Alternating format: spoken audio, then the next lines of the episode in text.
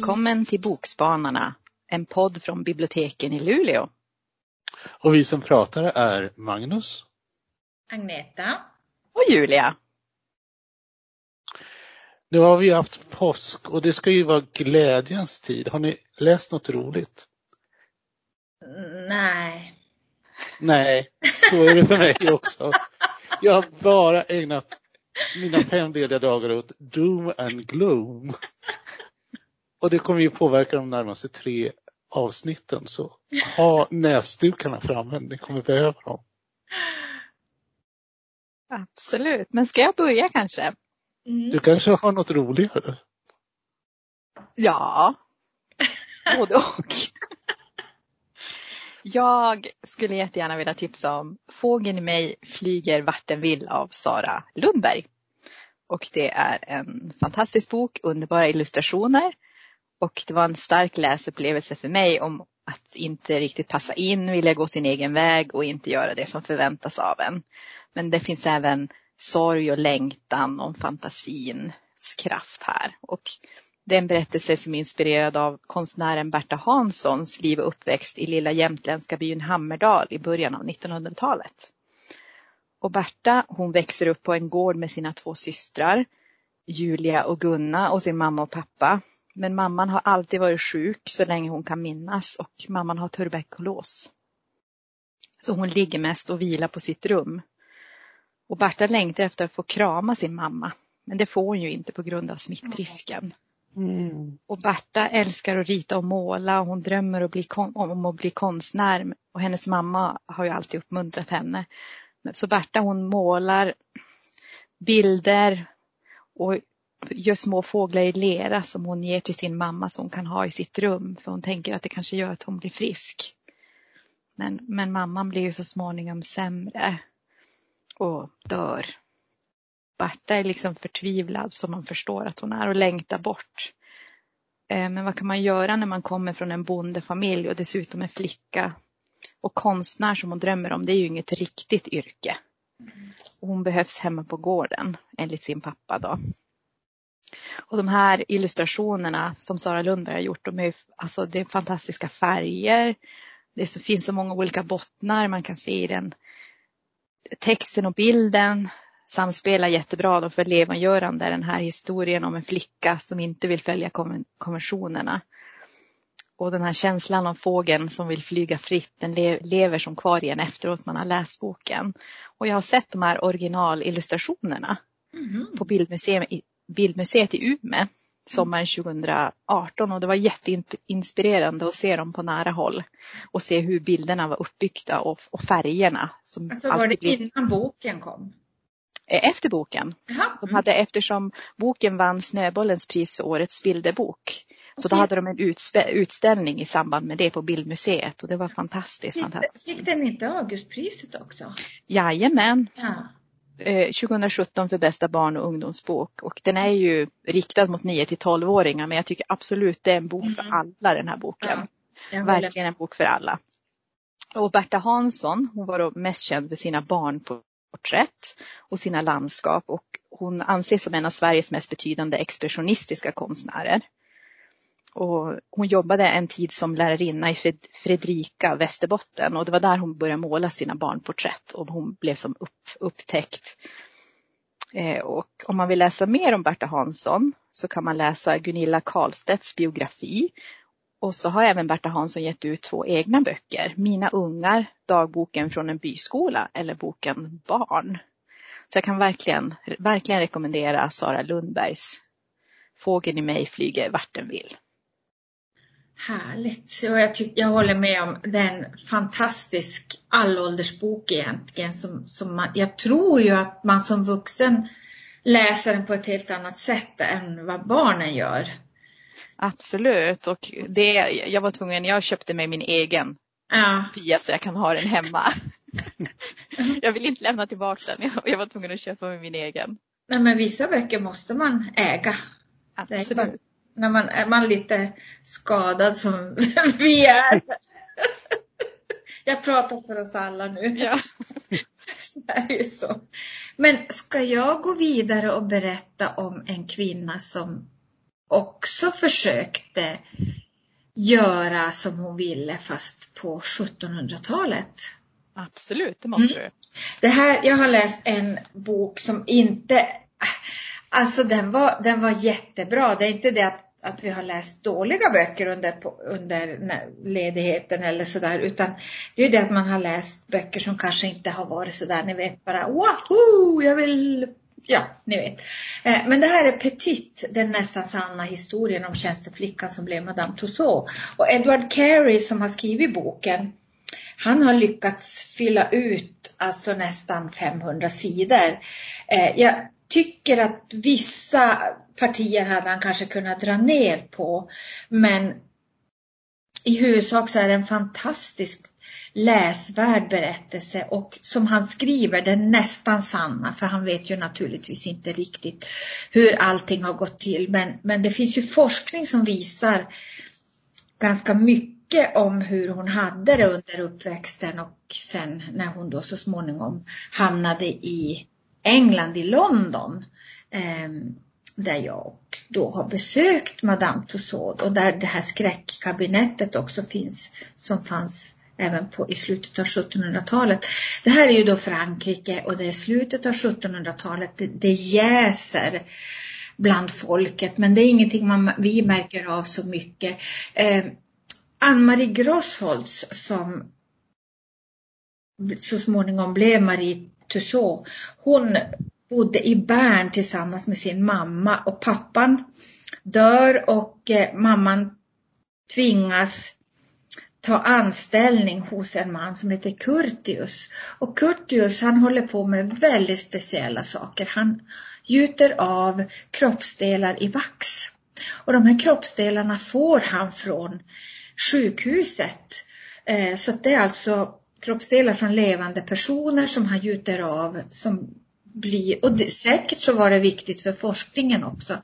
Men man kan ju bara tänka sig hur det luktade i hans hus och, och hur det såg ut för att han bodde ju ensam där, han hade inte haft någon någon hjälp, vidare hjälp i huset. Så, så eh, Ann-Marie, lilla Ann-Maries mamma blir någon slags hushållerska där och mamman håller på, hon håller på att bryta ihop. Alltså. Hon är ju en djupt troende kvinna och har Jesus och Gud som sin stora tröst. Men ja, hon, hon orkar inte leva längre så att hon, eh, hon, hon tar livet av sig helt enkelt. Och istället för att avbilda sin döda mamma som Ann-Marie här, hon ritar på alla papper hon kan komma åt så ritar hon. Och jag tänkte på när du pratade om, om Berta här, att vad som var, kan ha varit svårt, det var väl att få tag på papper och rita på, tänker jag, på, både på Bertas tid och på, på Ann-Marie Grossholts tid. Eh, men istället för att avbilda sin dö, döda mamma så avbildar hon en fågel som ska föreställa hennes döda mamma. Men det blir så att Curtius tar med sig Ann-Marie, hon blir som någon slags, ja, hans hjälpreda, hon visar sig vara väldigt, väldigt duktig trots att hon knappt når upp till arbetsbänken. Hon är väldigt kort, har ett väldigt säreget utseende och hon, eh, men hon är väldigt, väldigt hårt arbetande. De hamnar så småningom i Paris och där flyttar Curtius in då hos en änka som har sin, hon, hennes man var skräddare och hon har honom har gjort honom av en provdocka. Som någon slags, ja, vad ska vi kalla det för? Eh, ja, men han står där som en påminnelse om kärleken eller vad man nu ska kalla det för. Och hon och hennes man, den här änkan och hennes man hade en son som hette Edmund och Edmund här han var minst sagt speciell. Men han och Marie utvecklar så småningom djup kärlek. Men hon är ju tjänsteflicka och på grund av den här hemska änkan så blir hon, hon blir alltså hushållsslav och får ju nästan inte alls hålla på med sina vaxavgjutningar som är någonting som hon älskar otroligt mycket. Men av en slump så har, så är hon den som tar emot prinsessan Elisabeth som kommer från kungahuset i Versailles. För att de har hört talas om de här vaxavgjutningarna för att det har blivit så att Curtius har fått avgjuta mer, fler och fler kända människor. Bland annat Voltaire. Och tack vare att Ann-Marie och den här lilla prinsessan som är väldigt lik Ann-Marie eh, de, ja, men de klickar på något sätt så blir hon inbjuden till slottet och får bo där och det är liksom hennes räddning. Det är en fascinerande berättelse. Jag ska inte berätta så mycket mer men romanen bygger ju då på verkliga personer. De här har ju funnits på riktigt.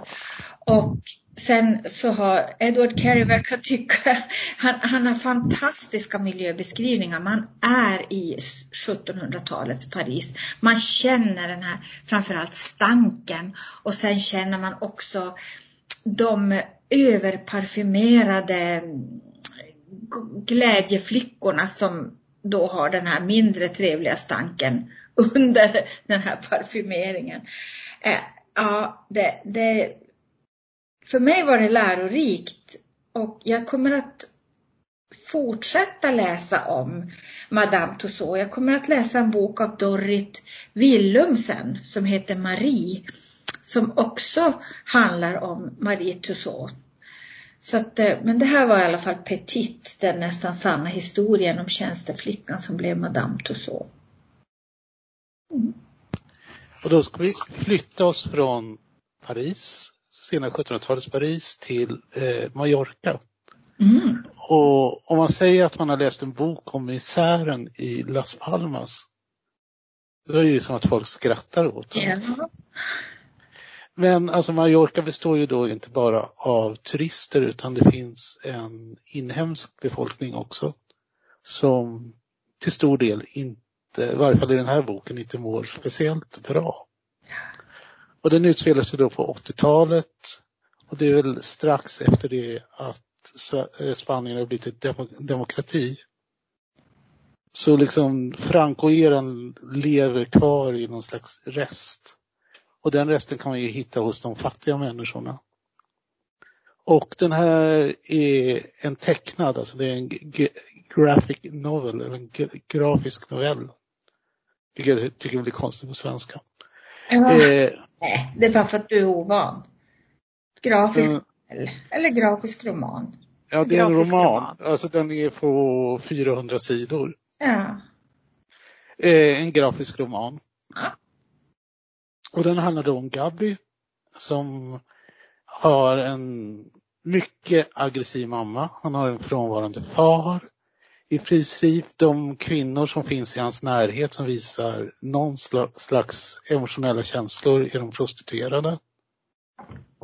Och eh, liksom ganska tidigt inser ju att han och hans kompisar att de måste göra något för att överleva. Ett sätt att överleva det är att ta amerikanska soldater liksom till bordellerna, liksom visa dem vilka eh, som är bra, var de liksom kan få bra priser och framförallt vad de själva får pengar i ersättning för att göra det här. Och då är det alltså barn som kanske är i 10-11 års åldern. När de blir äldre liksom, så börjar de använda narkotika, stjäla bilar, gängstrider. Och även om det här låter ju liksom sådär som man, oj, så lyckas Gabby ta sig upp ur det här. Och är nu liksom etablerad serietecknare. Och eh, författare. Så om det finns någon ljus i den här boken. Dels är det liksom den här konstiga solidariteten mellan tonårspojkarna.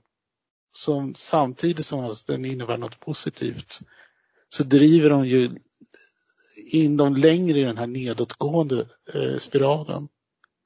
För det är hela tiden den här heden, machoidealet, hur man hanterar det här att eh, deras, många av deras mammor är prostituerade eller har varit prostituerade.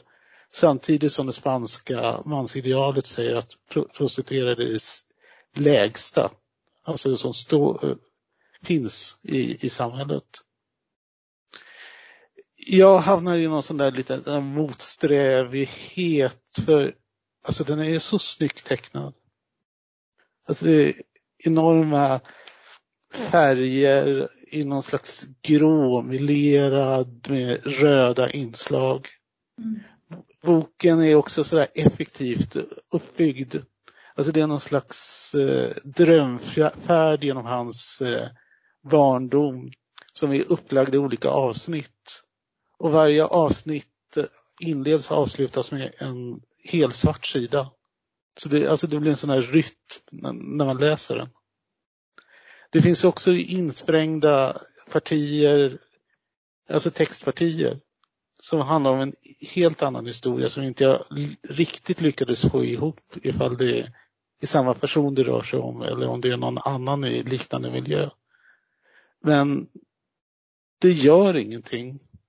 Och även om den också liksom är ganska hemsk, det handlar om en, en konversation runt en far som har blivit begravd. Eh, och barnet då som liksom frågar om hans begravning har inte sett sin pappa sedan han var fem år. Och, ingen, och personen han pratar med vet att den här begravningen har skett men inte liksom på något sätt var graven är eller något sånt.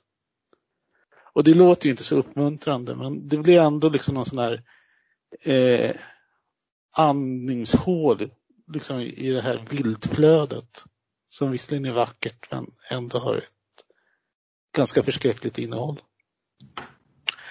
Och det låter ju inte liksom sådär bra grund att säga att man ska läsa den, men läs den. Om du ska läsa en seriebok så är det här, det är något helt annat än Kalle Anka. Ja, det låter spännande. Mm. Och intressant, för som turist så ser man ju bara den här glättiga fasaden. Annat än om man råkar hamna bakom hotellet och se skräphögar och sånt där. Mm. Intressant. Och nu tror jag vi tappar andan allihopa. Ja. vi kanske behöver ta ett djupt andetag och avsluta det här avsnittet. Och jag eh, pratade om återvändsgränder min uppväxt i Palma de Mallorca av Gabi Beltran.